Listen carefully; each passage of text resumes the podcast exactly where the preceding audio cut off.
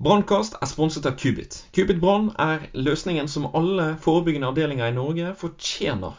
Automatisert, rask, Tilda-integrert, og ikke minst ser det kjempefett ut. Sjekk kubit.no for mer informasjon og book en demo.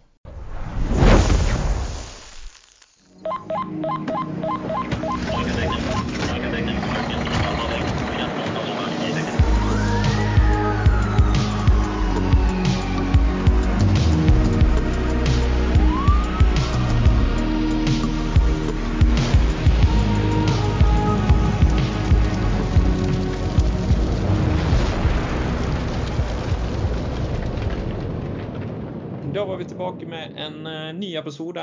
I dag uh, skal vi bli litt mer kjent da, med droner. Og til dette så har jeg vært så heldig å fått med meg uh, Martin Stensnes fra Andøya Space Center og Morten Helgesen fra Nedre Romerike. Velkommen, velkommen Martin og Morten. Tusen takk.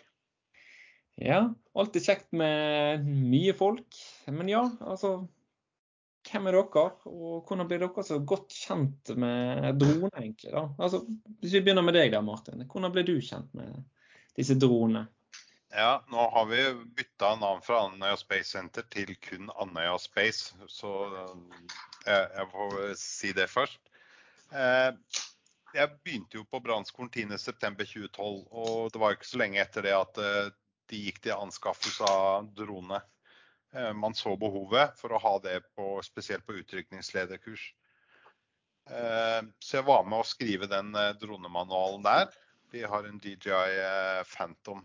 Bakgrunnen min er brannteknisk utdannelse fra USA, og også helikoptersertifikat fra USA. Og det var jo grunnen til at jeg var ønska til Andøya Space. Ja, veldig bra. Og så eh, er det jo sånn at vi sparer eh, det beste til slutt. Eh, hva med deg, Morten? Hvordan ble du kjent med, med, med droner? Nei, Det var vel egentlig bare litt sånn egeninteresse i begynnelsen. Og, og fikle litt. og Sånn som vi gutter flest, så alt som durer og går fort, det er gøy. Så var det å prøve litt. Og så fikk vi det inn som et prosjekt i i brannvesenet i 2016-2017. Eh, kjørte et prøveprosjekt her, og så fikk vi det implementert i brannvesenet fra 2018. Ja, det er bra. Veldig bra, veldig bra. Eh, så ja, droner i eh, brannvesenet. Dette er jo noe jeg er ja, veldig veldig fan av. Jeg ønsker å lage en, vi har laget en episode for å lære folk om droner, da, og hvorfor de her er så fornuftige. Så hvis vi begynner litt der med basics, da. Um, hvis jeg spør deg da, Martin, hva er egentlig en drone, og hva slags type droner bruker vi i brannvesenet? Ja, altså droner er jo en, eh, for å si det, en sånn forlengelse eh, informasjon. Men det kan også brukes i andre sammenheng. De første dronene ble vel brukt av Østerrike et angrep på Venezia i 1849 med noen eksplosiver. Eh, der, der, er vi ikke, men siden så har det jo bare akselert med radiokontroll. Allerede i første verdenskrig og annen verdenskrig så ble det brukt droner til informasjonsfangst. Eh, så kan vi jo si det, det som eh, er for nødetatene, er det jo både at man har muligheten til å få et oversiktsbilde man kan også bruke IR-kamera til å se på beholdere, finne varmepunkter, søke etter eh, mennesker og sånne ting. Og den eh, utviklinga har jo bare vært eh, ganske kjapt de siste åra. Både med hensyn til flyvetid på drona, og hva drona kan gjøre. Og også innebygde sensorer som gjør at det blir eh, enklere å operere. Eh, droner kommer jo da i forskjellige former. Eh, du har undervannsdroner, du har flyvende droner som fikstving, fixed altså som ser ut som fly. Og du har de der multikopterne som man kanskje tenker på med de armene som stikker ut, og med motorer og rotorer som stikker ut på siden. Quadcopter, altså fire stykker, er det som er mye brukt. Og så har man jo også helikopterdroner. Så har man flere motorer, så har man også sjanse for å løfte mer. Og man har også da eh, muligheten til å miste en motor eh, og fortsatt være stabil. Og det, det er jo uh, viktig liksom at, man, at drona ikke detter ned, da, men at det blir ivaretatt en, en sånn sikkerhetsfunksjon. Ja, så absolutt. Eh, det er jo ganske, det er jo ganske dyre eh, leketøy, da, for å si det sånn. Hva er det egentlig en eh, pris på det her kan eh, være, da? Ja, det, du har jo egentlig Hvor dype lommer har du? Du får droner fra noen tusenlapper til eh, som passerer million, avhengig av hva man ønsker. Men for å si det sånn, de som vi bruker til eh, mapping og lage kart med. Mm. Og som også blir brukt av de som flyr under hos oss, det er jo stort sett kvadkopter. Og de kan ligge på opptil 250 000-300 000, avhengig av, av utstyr. Mm. Mm. Ja. Spennende. Ja, er det noen forskjell på det her før og nå, eller? Eh, altså, har det blitt billigere med årene, eller har det blitt dyrere? Jeg kan jo se, se på meg at det ikke var så mye droner før, da, og så ble det da var det kanskje et monopol på det. Så, Men nå har jo det gjerne utviklet seg, og, men samtidig kommet mer fancy utstyr. Mm, mm. Ja, og du kan si ja til begge deler. Eh, Dronene har jo utvikla seg, og det har jo blitt mer brukervennlig fra eh, at man brukte en vanlig sånn fjernkontroll til, eh, til fjernstyrt fly. Eh, mm til at man fant en plattform med at man bruker en mobiltelefon eller en pad. Og nå er det jo ofte at, eh, at dronefjernkontrollen har en skjerm eh, bygd opp på en sånn smarttelefonløsning hvor du kan bla deg inn og velge kamera og se batteristatus og diverse ting. Du har et kamera som går i flyveretning, og du har et kamera som du kan rotere med. Så Spennende. Dere har jo vært, eh, dere har jo hatt droner en god stund. og eh, Begge to, sånn sett. da. Husker dere eh, hvordan deres første drone var? Ja, For min del, tenker du privat, eller tenker du da i brannvesensammenheng? Du kan gjerne få ja takk, begge deler, for å si det sånn. Ja, vi er på ja takk, begge deler der òg, ja. Nei, privat så hadde jeg bare en eh, sånn uh, liten Eller det var en DJI-drone, så det var jo enkelt å fly og sånn. Uh, men uh, det blir litt sånn når du kommer på den drona som vi har i brannvesenet, så blir det litt som å kjøre buss. At du får noe stort og tungt. Så sånn størrelsesmessig så er det to, to forskjellige skalaer. Ja. Da dere begynte, da, hvordan var det da kontra nå? da? Altså, var det var det bra greier, eller har vi fått det litt bedre? ja, det var, det var, bra det vi hadde til å begynne med. Men uh, vi ser det at uh, batterilevetida sånn har blitt uh, vesentlig bedre. Så, men den drona vi har i dag, den fikk vi jo levert i slutten av desember under raset i Gjerdrum. Så, så den fikk ilddåpen sin der oppe. Ja. Det skal vi komme litt tilbake til seinere. Um, og du da, eh, Martin, hvordan var din eh, første drone? Altså, da må jeg tilbake i barndommen, for jeg eksperimenterte med å kjøpe elektromotor på en hobbybutikk. Og bruke Lego og lime litt, så jeg klarte også å få Legoen til å fly. Men eh, den, den, kunne ikke gjøre noe annet enn å spinne rundt. Så den hadde ledning. Så det, Jeg husker vi hadde sånn på barneskolen, vi også. Vi, eller kanskje ikke du var på barneskolen, men eh, at vi hadde sånn eh, skoleprosjekt med det her. Med å lage med Lego. Så jeg kjenner meg mm. godt igjen. Det var i hvert fall min eh, Ja, beklager avbrytelsen, men det var i hvert fall Jeg kjente meg igjen. Ble litt nostalgisk. Ja. Sånn På jobbsammenheng så har jeg jo egentlig fått en ilddåp siden jeg begynte på Andøya i 1.12. I, i fjor. Eh, og jeg ser jo det at fra jeg var der oppe første gangen i 2018, så er det mye av de dronene som, som ble brukt den gangen, som er eh, gått ut på dato. Mm. Altså, det har blitt my mye bedre. både alt rundt drona, lademuligheter, ladekofferter. Altså alt er mer spissa mot en industriell profil da, og ikke den hobbyistprofilen. Og det er der vi ønsker å være da, på det industrielle nivå. Mm. Mm. Spennende. Um, så er jo litt det her da, i forhold til droner. Eh, så må jo for å kjøre en drone, da, så må jo være en dronepilot eller en operatør, eller hva det heter. Eh, hvordan blir man egentlig dette, da? Eh, hvis vi begynner med deg, da, eh, Morten. Hvordan er det dere praktiserer det? Nei, hos oss Per i dag så har vi fem stykker, så burde jeg egentlig si at det er en veldig nøye utvelgelse, siden jeg er en av de fem. Så da burde jeg si at det er snittet for å komme inn der er ganske høyt. I all beskjedenhet. ja, ja. Uh, nei, uh, det har gått på uh, Man kjører en vanlig søkeprosess og har egentlig Vi har folk i systemet som både har drevet med modellfly, modeller, eller sånne radiostyrte helikopter og droner tidligere. Så vi kjørte en søkeprosess, og så ble man valgt ut på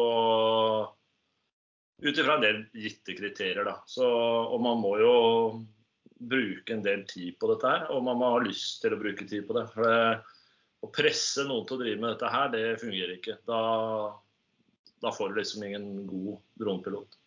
Mm. Ja, spennende. Jeg er enig i det. Um, men hos, hos deg, eh, Martin, det er jo dere som driver med opplæring eh, i eh, Norge, da. Altså, som blir på en måte en slags et opplæringssenter eller en opplæringsansvarlig i forhold til dronekjøring. Altså, kan dere fortelle litt om hva, dere, hva deres rolle er i dette her? Det, det, kan jeg gjøre. For jeg kan si det sånn at det begynner med det med flyvinga. da. Mm. Eh, drona er egentlig veldig likt helikopterkontrollene. så Den høyrestikka blir som cyclicen i helikopter, den som du tar retning. Venstrestikka blir jo både kollektiv, altså den som du går opp og ned med, og så sideveis eh, blir det halve rotoren. Så for meg så satt det ganske eh, greit. Liksom jeg fikk rydda opp i hodet mitt og syntes at det fungerte. Vi er jo sånn at vi opererer under eh, Luftfartstilsynets eh, regler og det som kommer nå, eh, EASA-reglene fra, fra, nyåret.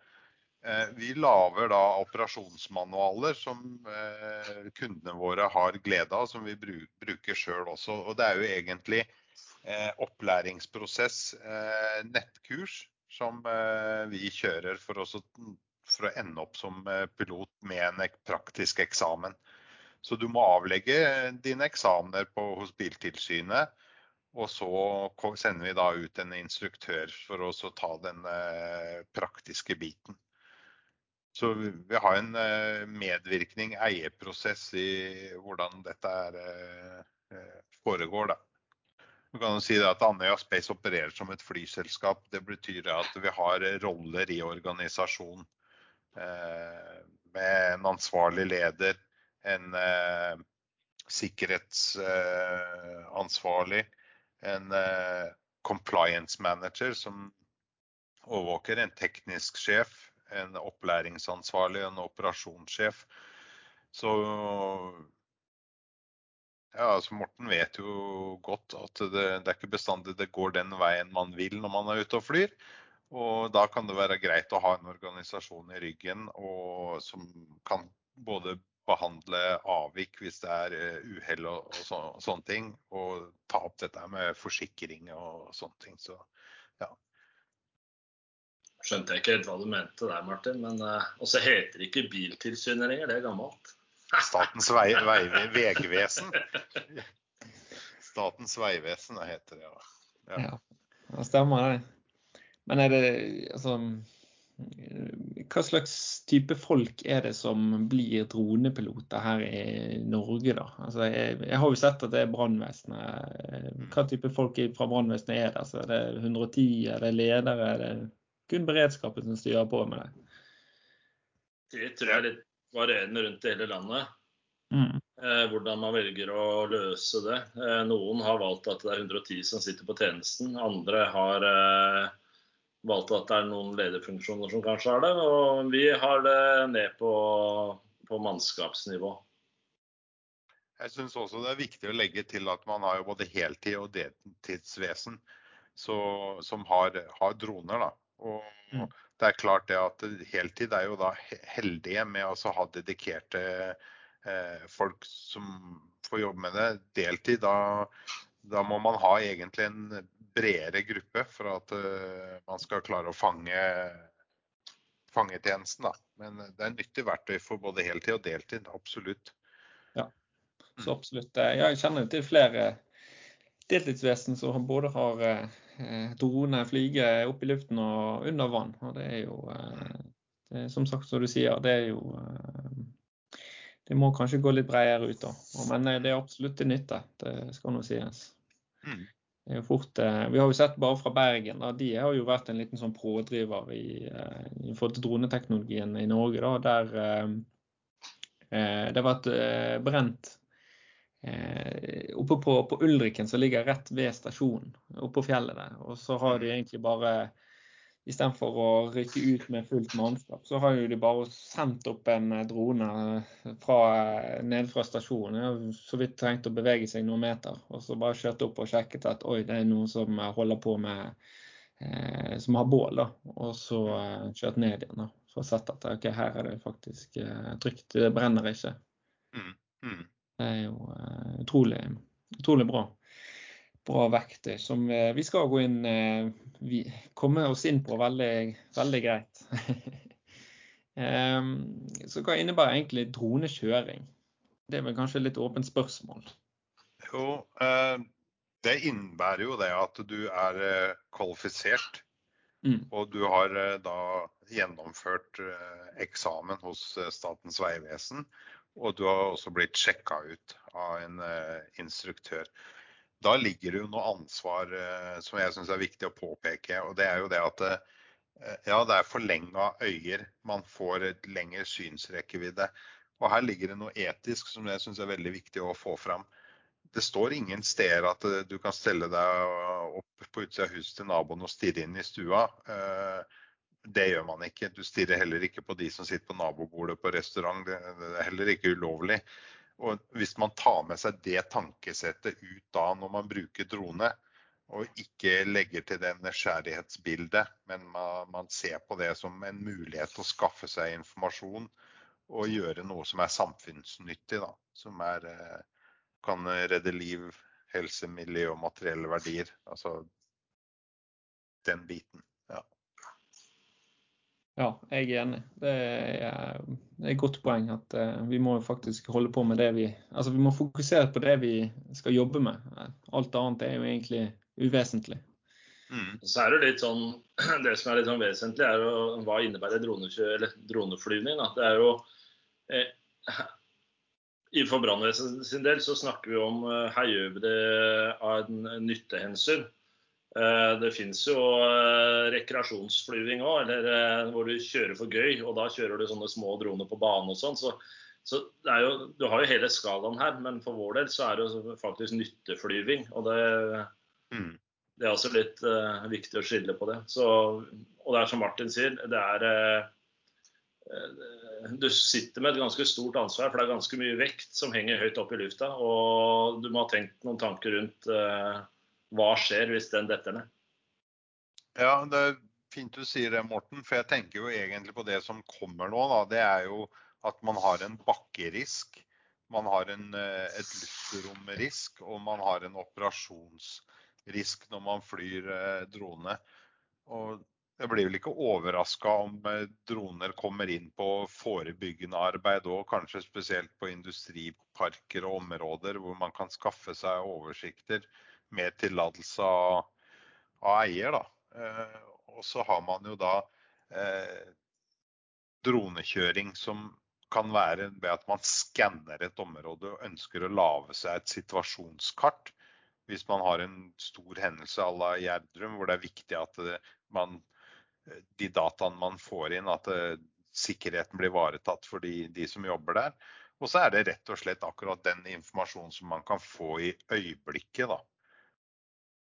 Mm. Og når du lager kart, så kan du be drona om eh, Du legger opp en, eh, et rutekart, og så flyr dronene drona det rutekartet og, og skanner. da.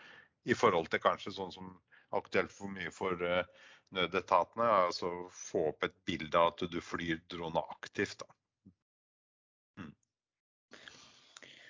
Ja, dere er jo litt inne på disse her fordelene. Eh, er, hva, har vi noen flere fordeler? Altså, du snakker om dette om skanning, og du snakker om å legge, altså, lage, få et oversiktsbilde. Men kan dere på en måte trekke frem hvorfor er egentlig droner så, så bra? Altså, hva er fordelen?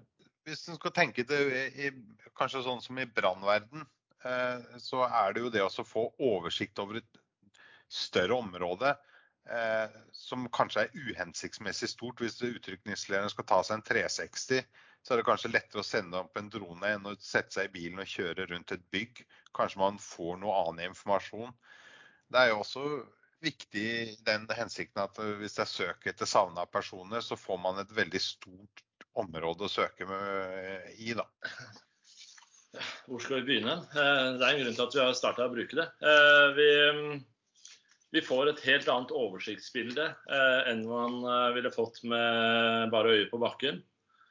Eh, vi kan se varme, vi kan se hindringer. Vi kan eh, skape en sikkerhet for egne mannskaper. For vi kan se ting som er i ferd med å skje, eh, egentlig litt før eh, man ser det fra bakken. man kan se retrettveier.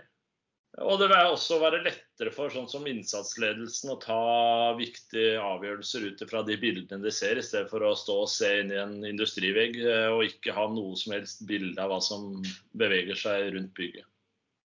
For dere kan jo se, altså detektere varme. Altså du kan skanne området og se at det er varme i forhold til uh, Et av tingene, altså det med detektering av varme. At du kan enten finne mennesker ganske kjapt i løpet av eh, en, eh, en stor swipe, eller du kan detektere varme i forhold til eh, en gressbrann som kanskje ligger og ulmer under, eh, under bakken. Eller ja. i vegger og sånt. Ja, du ser jo veldig tydelig sånn i, i bygninger, da, vi sier at det har en takbrann som sitter, eller en brann som sitter i takkonstruksjonen, så ser du tydelig hvor varmen er enn i taket. Eh, noe som gjør at du kan sette inn begrensninga på riktig sted. Da. Og kanskje også til riktig tid, så du ikke havner bakpå. Eh, og eh, det med å se varme i bakken, der har vi mange gode eksempler på at man har prøvd å se med et vanlig håndholdt IR-kamera. Hvor du ikke oppdager varmen via IR-kamera, men når vi har drona hengende rett over, så vil du se den fordi at du får en helt annen vinkel på IR-kamera som gjør at uh, du fanger opp den varmen som er da i bakken. Så Der har vi hatt veldig mange tilfeller på etterslokka solbrann hvor vi har hatt, uh, funnet mange sånne flekker, da, som vi kaller det, hvor det kunne blusse opp igjen. Det er jo en, eh, det er en stor fordel, det. Så absolutt. Men jeg ser jo at, at, at politiet og ambulansen og Røde Kors og ja, eh, de fleste etatene eh, kjøper seg eh, droner. Hvem er det egentlig som skal ha ansvar for alt dette? Det er jo et litt stort spørsmål, men ja Har ikke brannvesenet nok å gjøre, egentlig? Eh, jo, brannvesenet har, har, Det er mange ting vi skal drive med. Men, eh, men som et eh, verktøy i den jobben vi utøver, så er det veldig viktig. Eh, og det handler litt om å snakke samme språk eh, når man er ute og gjør en jobb. Eh, og det er også grunnen til at politiet skaffer seg egne, for de har sin sjargong, de har sin måte å jobbe på.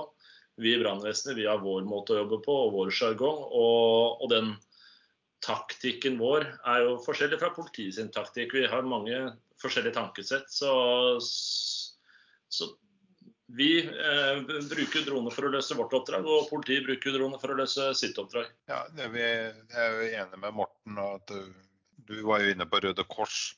Og de ønsker jo også å komme i gang. Vi har en del av Røde Kors som flyr hos oss allerede nå, Innlandet.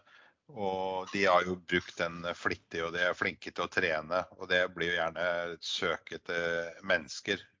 Og spesielt i krevende terreng så er drona det du får til uten bruk av helikopter. da. Det nærmeste du kan komme. Og den, den er rask å få på plass. Mm. Så er jo ikke det alle oppdrag. merker vi selv at det er ikke alle oppdrag brannvesenet blir tatt med ut på. Der kanskje en drone eh, kunne vært eh, grei å få med. Da. da kan det jo være greit at den ikke blir bindet opp til kun brannvesenet. At kanskje politiet har mulighet, eller eh, ambulansen eller Røde Kors. da. F.eks. på en savnet. da. Det tar jo litt tid eh, hvis det er en som er savnet, en eh, ja, fra et eller annet miljø, ikke har meldt seg på noen dager. da. Mm. At de mistenker at den kan være der. Og det, det tar jo litt tid før eh, at brannvesenet blir involvert i dette. Da må det kanskje være at de trenger en tjeneste av brannvesenet, av eh, f.eks. at de skal bruke båt og ha landsøk, mm. eller strandsøk. da. Så ja, jeg ser jo absolutt fordel at flere etater har, eh, har dette. Jeg, jeg, ser jo at eh, de som har hatt innsatsledere som har erfaring med å bruke droner, mm. velger gjerne å bruke det som et ekstra verktøy, som har det i verktøykassa si som noe de kan bruke. Og Det er klart at det er veldig vanskelig å ta i bruk noe du ikke kjenner til. Så å be om den ressursen hvis du ikke har noe erfaring med det, det sitter nok litt inne. Men heldigvis har det begynt å, å spre seg litt. Man har noen suksesshistorier. Og det er vel derfor også det er så mange som ønsker å anskaffe droner i de forskjellige etatene. Mm. Mm. Ja, og en suksesshistorie eh, som jeg vil si, det er jo den Gjerdrum. Eh, Morten. Du var jo der. Ehm, og Martin, du kom jo vel inn i, inn i Gjerdrum etter hvert, sånn jeg forsto det? Ja, ja, jeg hadde jo vakttelefon, så vi, vi var jo på eh, så godt vi kunne. Og vi har jo ukesvakter på den telefonen, og vi skjønte fort det at det her, for å skulle skape utholdenhet, så måtte vi bytte vakt. Så vi gikk over til døgnvakter for å gi de mannskapene på bakken mest mulig eh, service. Eh, vi sendte også opp eh, tre piloter, og så kom eh, lederen vår Mats med en, en bil. For vi ser også det at det å ha et sted å hvile og spise, at det også er, det er viktig.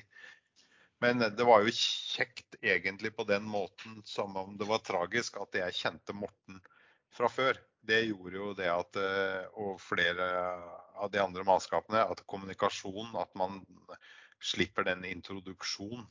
At man kan bruke fornavn med hverandre og sånne ting. Det, jeg følte i hvert fall det for min del, at det var trygt og godt å vite hvem eh, vi hadde med å gjøre. Mm. Og det var en fantastisk eh, flott innsats fra alle, alle parter der oppe. Altså det, det, må jeg si. Ja, det er vel en av de lengste droneoperasjonene som har eh, blitt gjennomført, eh, om ikke på verdensbasis, i hvert fall i europeisk eh, basis. Så så det er jo spennende å ha vært en del av uh, den operasjonen. Uh, jeg fikk vel kommet ned der, Morten, helt til avslutninga, når dere hadde begynt å rydde opp, som jeg kom og hilste på dere i, i, i bussen. Ja. Og etter å ha vært på telefon og, og, på PC, og så komme der og se, så var det også OK for, for meg. da, For det, jeg må jo si at jeg følte meg som en 110-operatør eh, hvor du får begynnelsen på historien, men du får, får aldri slutten. Og sånn personlig sett så var det kjekt å få være der. Men hvordan, hvordan var det der da, eh, Morten? Hvordan var det på en måte å benytte seg av droner på noe så stort? Nei, det er, eh, det er, jo det vi egentlig har trent for. Eh, hvis vi ser eh, droner eh, som, som, en sånn isolert eh, oppgave der oppe, så, så er det en, en, ting vi har trent på, å bruke droner. Og, men eh, de utfordringene som egentlig kom her, var jo det at det var mange droner. Og det var helikoptertrafikk. og det var vi hadde egentlig alle de dårlige parameterne som fins. For det var dårlig vær, og det var snø, og det var regn, og det var eh, kulde, og det var eh, Tåke og ja. tåke, og at det pågår over lang tid, så man får eh, søvnproblemer i tillegg. Så vi fikk virkelig testa alt, både utstyr og mannskaper. Så Nei, det var en utfordrende og krevende operasjon, men men eh, vi løste det. Og skikkelig, skikkelig manndomsprøve, rett og slett. Det dere sto nå til glans, syns jeg. da. Så eh, det var, noe, det var, noe, veldig spennende å følge med. Jeg så jo, da jeg så på nyhetene, så så jeg alltid en drone i været. Var det sånn, eller? ja, absolutt. Det var det. For det var de første fem døgna så var det et krav om at det skulle være drone i lufta 24-7. Eh, så det vil jo si at uh, de første fem døgna så hadde vi vel ca. 120 flytimer bare hvor vi hele tida kontinuerlig hadde drona i lufta. Uh, men vi hadde jo da et samarbeid både med politiet og Forsvaret, som var der med sine droner. Mm.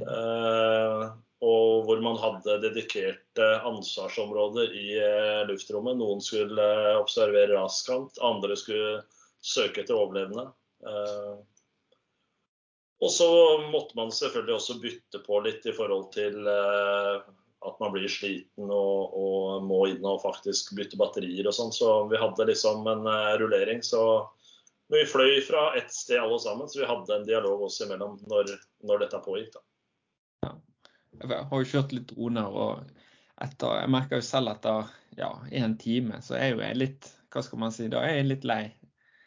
Mens 24 timer, og også i fem dager i strekk på Det høres jo ekstremt utmattende Ja, det, det, var greit å bytte litt på mannskaper. Og én eh, ting er jo uh, det å fly mange timer, at man blir utmatta der. Men man hadde jo også kuldeproblematikken. Det var kaldt og surt og dårlig vær. Så man fikk liksom noen nye, nye, utfordringer som man kanskje ikke har tenkt på før. Som, uh, som ble egentlig løst på en veldig god måte. Hvor vi satte opp svære telt og fikk inn store skjermer og, og kunne skåne oss litt. Da. Så, så de mannskapene som har jobba der oppe, har gjort en uh, uvurderlig innsats. Så absolutt. Men er det sånn at dere må se eh, dronene hele tiden? Eller, altså, du har jo der eh, hva er det på fagspråket heter da? Det heter sånn visual line of sight og extended eh, line of sight. Eh, nå må dere bare korrigere meg eh, i forhold til fagterminologien. Men ja, er det slik at dere må hele tiden se dronen når dere er i aksjon der, eller kunne dere styre det fra ei ko, eller? Ja, der oppe så ønska vi jo hele tida å se dem fordi at man hadde flere droner i lufta. og vi hadde i de tilfellene hvor det var eh, annen flytrafikk som kom inn i området, så eh, ble dronene satt på bakken, eller i verste eller ikke i verste fall, men eh, i noen tilfeller bare trukket helt til ytterkant av rasområdet, så de ville komme tilbake til oss hvis vi fikk noen, noen feil.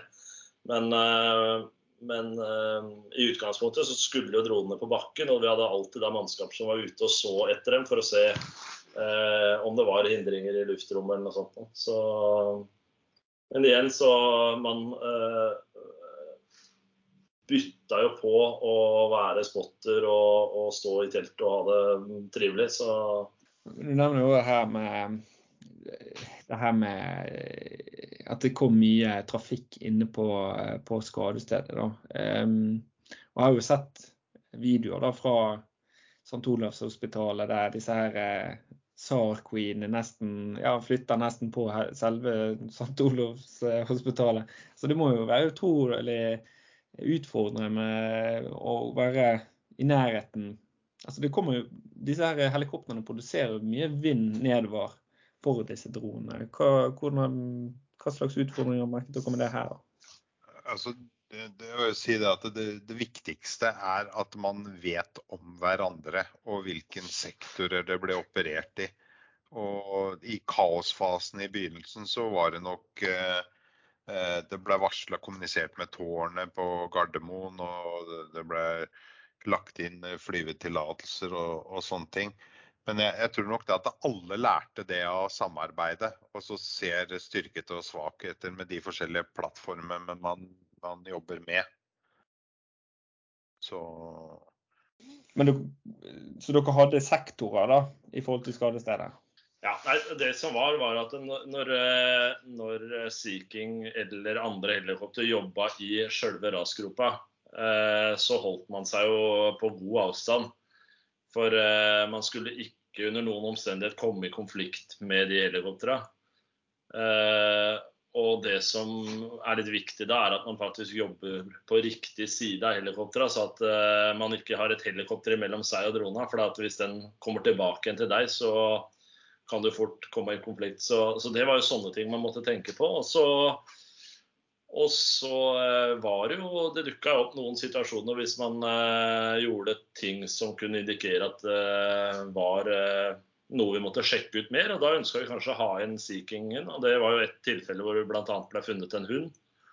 Eh, og der hang jo drona egentlig rett over eh, hunden helt fram til Sea Kingen kom inn og kunne egentlig overta. Så litt så Vindpåvirkning fikk han, men eh, det var ikke noe Vi var aldri så nære at det ble en utfordring. Ja. Mm. Det er jo bra. Ja, jeg så, jeg så det innslaget på TV 2 med Det var noe Jonas som eh, Eller dere var jo et team, da, så, men det var noe Jonas som fikk lov å komme på TV. så, men det er jo en veldig eh, fin historie å trekke med at det er jo ikke bare mennesker vi ser, det er jo også dyr. Det er jo så viktig at noen får noe tilbake etter en så, sånn tragedie. og Der er jo den hunden eh, et fin, en, en lykkelig historie, et forferdelig utfall. Ja, absolutt. Og én ting er jo selvfølgelig at de familiene som har mista alt, de eh, får eh, kjæledyra sine nå. Og vi hadde et stort fokus. Alt som kunne reddes, skulle reddes. Så men å få egne mannskaper òg, som gjorde det funnet, og som faktisk ser at det er liv der. Det er, eh, det er noen som har overlevd. Det, her var det en hund, men man da opprettholder litt den innsatsviljen og, og, og den Det er egentlig feil å si glede, men det er jo en glede når man gjør et funn. Mm, absolutt. Og det, det funnet hadde vi kanskje ikke sett uten den dronen, eller altså Det er jo vanskelig å se varme. Eh, men det, altså, varmen er jo ikke nødvendigvis synlig for det blotte øyet. Sant? Og Der kommer jo disse IR-kameraene inn med dronen. at her er, det, her er det noe som faktisk kan være levende. Ja, og den hunden ble funnet på nattørstid, så, så eh, vi hadde aldri klart å se den Eh, annet enn da, da måtte det vært andre typer IR-kameraer som hadde sett den, for det var eh, et stykke uti der. Og, og eh, Nei, det er vanskelig å si noe annet som kunne løst den situasjonen. Det var Der var faktisk drona et kjempehjelpemiddel. Mm. Han var jo Hva var det da? Det var vel et par dager ute i hendelsen også?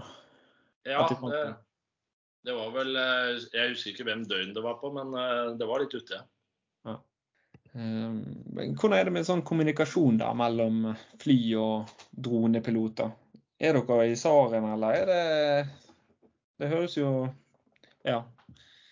Hvor er det dere snakker? Det er, det. nei, det er eh, Når vi var der oppe, så gikk det i SAR-kanaler. Mm. Uh, og da det blei oppretta en sånn egen Vortex, dvs. Si et sånn framskutt eh, flyveleder eh, eh, altså si, ko eh, i Gjerdrum, hvor Forsvaret opererte det.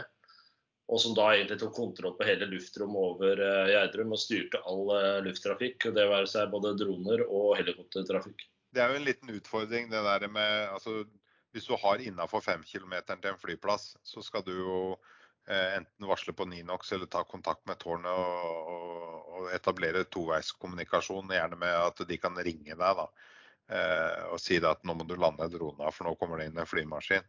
Eh, dette her er jo noe helt annet, en sånn kompleks organisasjon som det der. og et, sånn som Morten sier, at noen tar ansvar og dirigerer luftrommet er kjempeviktig. For det, det, det må skje lokalt der eh, det foregår. Ja, ja, greit å ha en dirigent. Jeg er helt enig.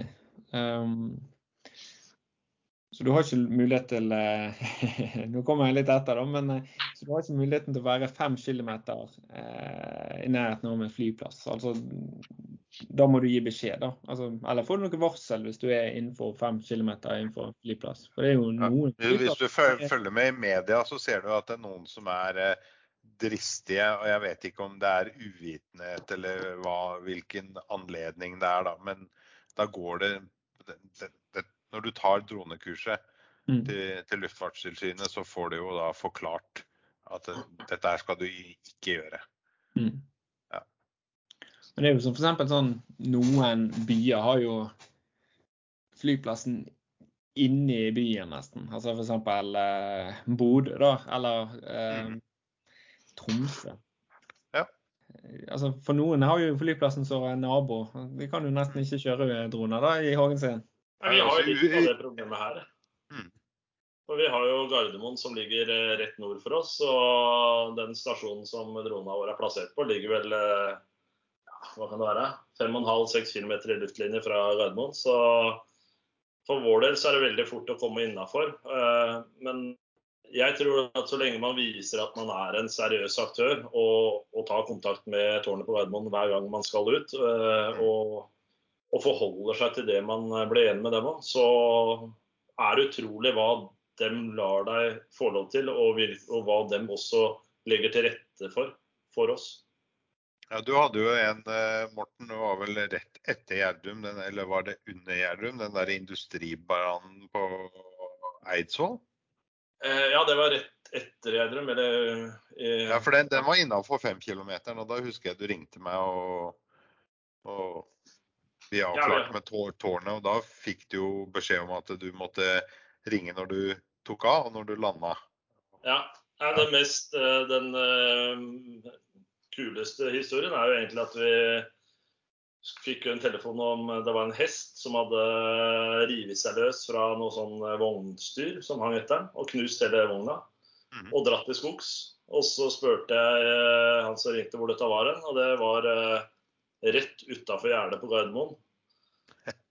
Og så tenkte jeg mitt stille sinn at uh, ta opp drona rett utafor gjerdet på Gardermoen, det har vi lært at det er jo ikke helt heldig. Så men jeg tok en telefon til tårnet og forklarte hvor jeg skulle hen.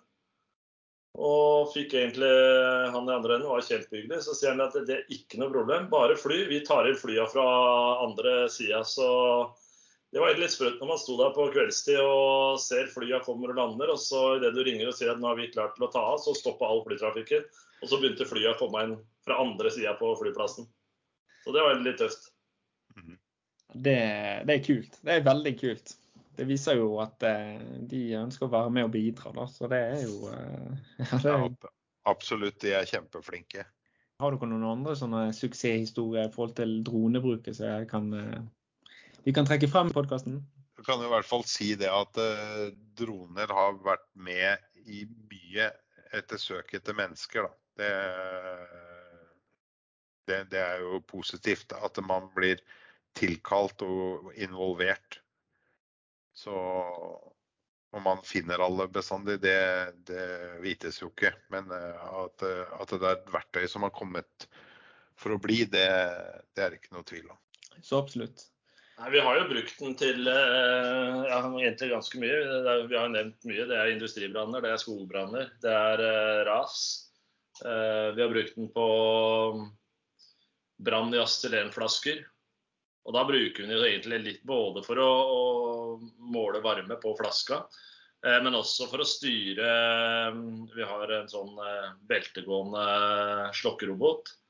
Hvor vi faktisk kan henge i lufta og styre den som også er fjernstyrt. Da. Så kan vi sitte bak i trygg avstand bak et bygg og, og få den slokkeroboten på plass der vi ønsker den. Uh, og dette går igjen på sikkerheten til egne mannskaper. Uh, at man ikke utsetter seg for uh, den risikoen det er å gå fram og gjøre de målingene eller få den vannstrålen på, på astylenflaska.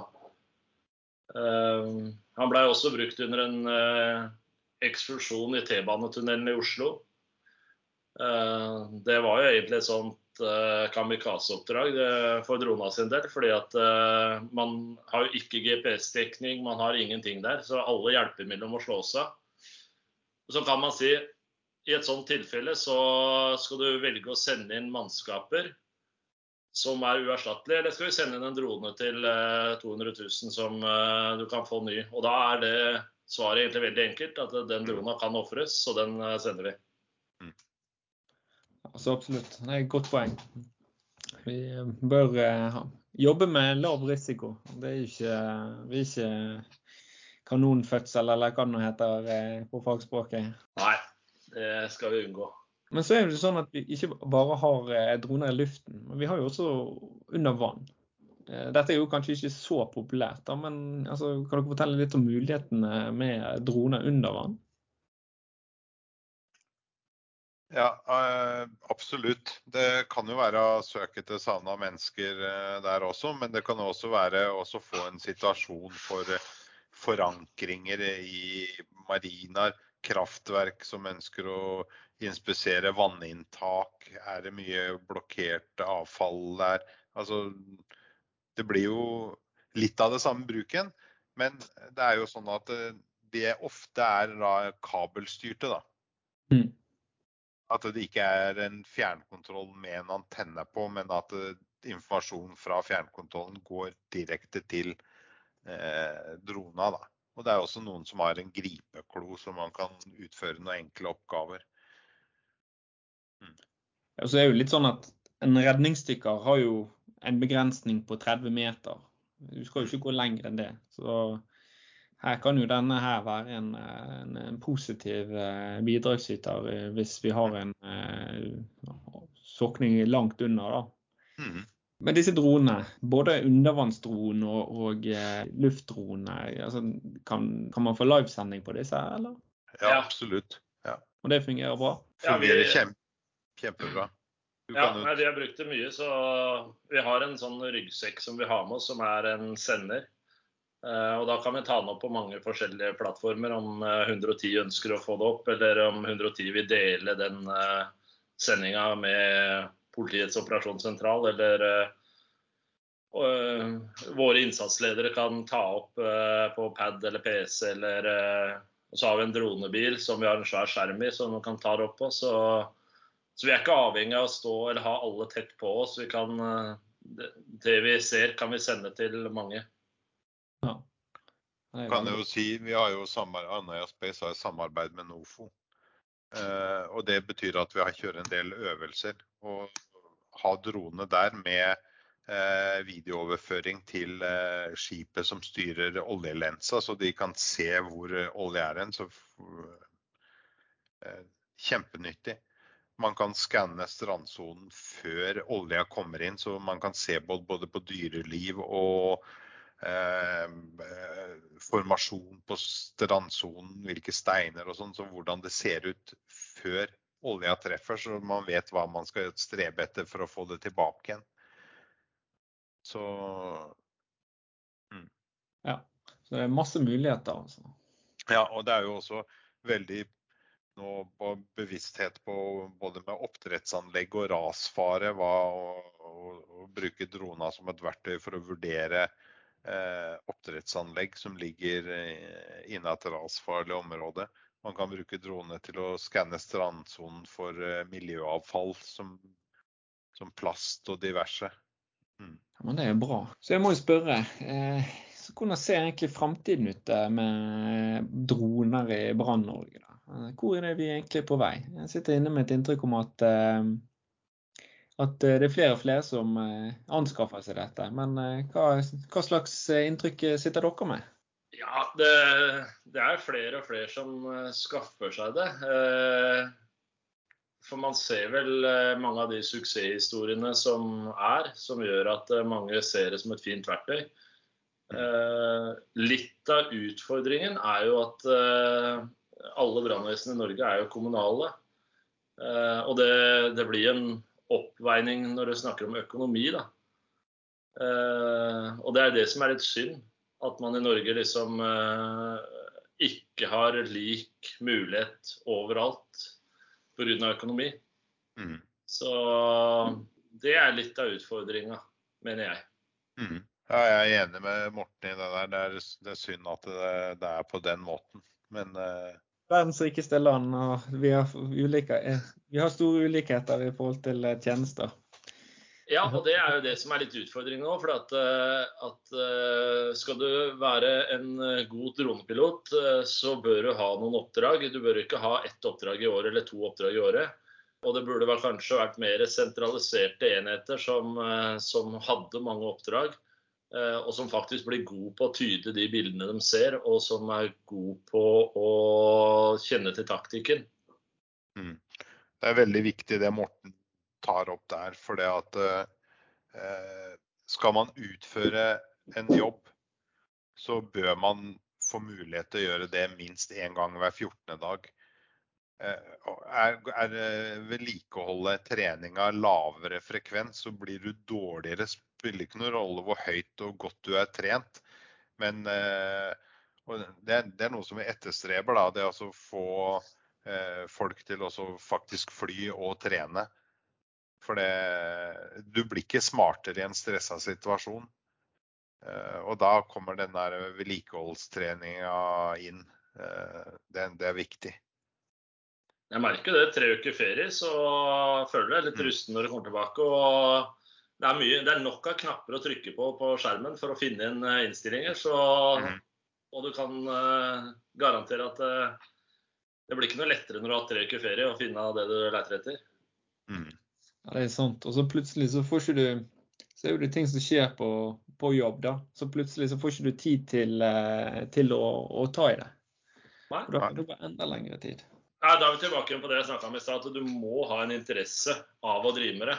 Mm. Uh, hvis du ikke har den interessen, så er det veldig fort gjort å gjøre andre ting på bekostning av det å ta opp trona. Og da, da blir du hengende litt bakpå. Ja, og så er det jo viktig, som Morten også er inne på, at det er anerkjennelse i organisasjonen. At det blir satt av tid til å, til å trene. da. At, uh, at, det har en verdi. Disse nye teknologiske duppedittene er vel ikke noe alle tar så godt imot. Uh, kanskje ikke den eldre generasjonen heller, eller hva tenker dere? Nei, det er jo alltid utfordringer. Eh, alt nytt er jo skummelt for noen. Eh, og jeg ser jo det i min egen organisasjon, at det var jo veldig Eller ikke veldig mange, det var en del skeptisk skepsis til at vi skulle ha et sånt eh, dyrt leketøy, som det ble kalt. Mm. Eh, men vi fikk jo egentlig veldig tidlig vi Hell i uhell, så tre uker etter at vi satte drone i drift i vårt brannvesen, så fikk vi jo de store skogbrannene som var i 2018. Og der starta vi med en større brann langs Gjøvikbanen. Og i løpet av én til to dager der, så var jo i hvert fall de største skeptikere satt litt eh, på plass. Så, og egentlig begynte å fullrose eh, bruken av droner. Så mm. Men det er alltid, alltid noen som eh, syns det er skummelt med nye duppeditter. Mm. Jeg tror i hvert fall ikke at den kommer til å forsvinne. Den har kommet for å bli, akkurat som bilen. Uansett hvilken form og drivstoff eh, man velger på bilen, så vil den eh, utføre en oppgave som er nyttig for folk. og Sånn, sånn er det med droner. og Det er et nyttig verktøy. Og Det gjelder bare å bli vant til det. Da kan vi si at det har vært en suksess til eh, nå? Mm. Absolutt. Ja. Men den, eh, den, er grei. Da var tiden inne for å runde av episoden. Jeg har jo ingen flere spørsmål igjen, så dette her var jo eh, lærerikt. Jeg håper jo at flere vil ta i bruk droner framover. Og tusen takk for at dere, Martin og Morten, for at dere hadde lyst til å være med på denne episoden. Tusen takk. Bare hyggelig. Takk for at vi fikk komme. Tusen takk, Eivind. Det har vært kjempehyggelig å se deg i en annen kapasitet enn det miljøet vi alle kjenner. Tusen takk. Ja, ja. takk, takk. Ja, men eh, takk til lytterne for at du hørte på. Vi høres.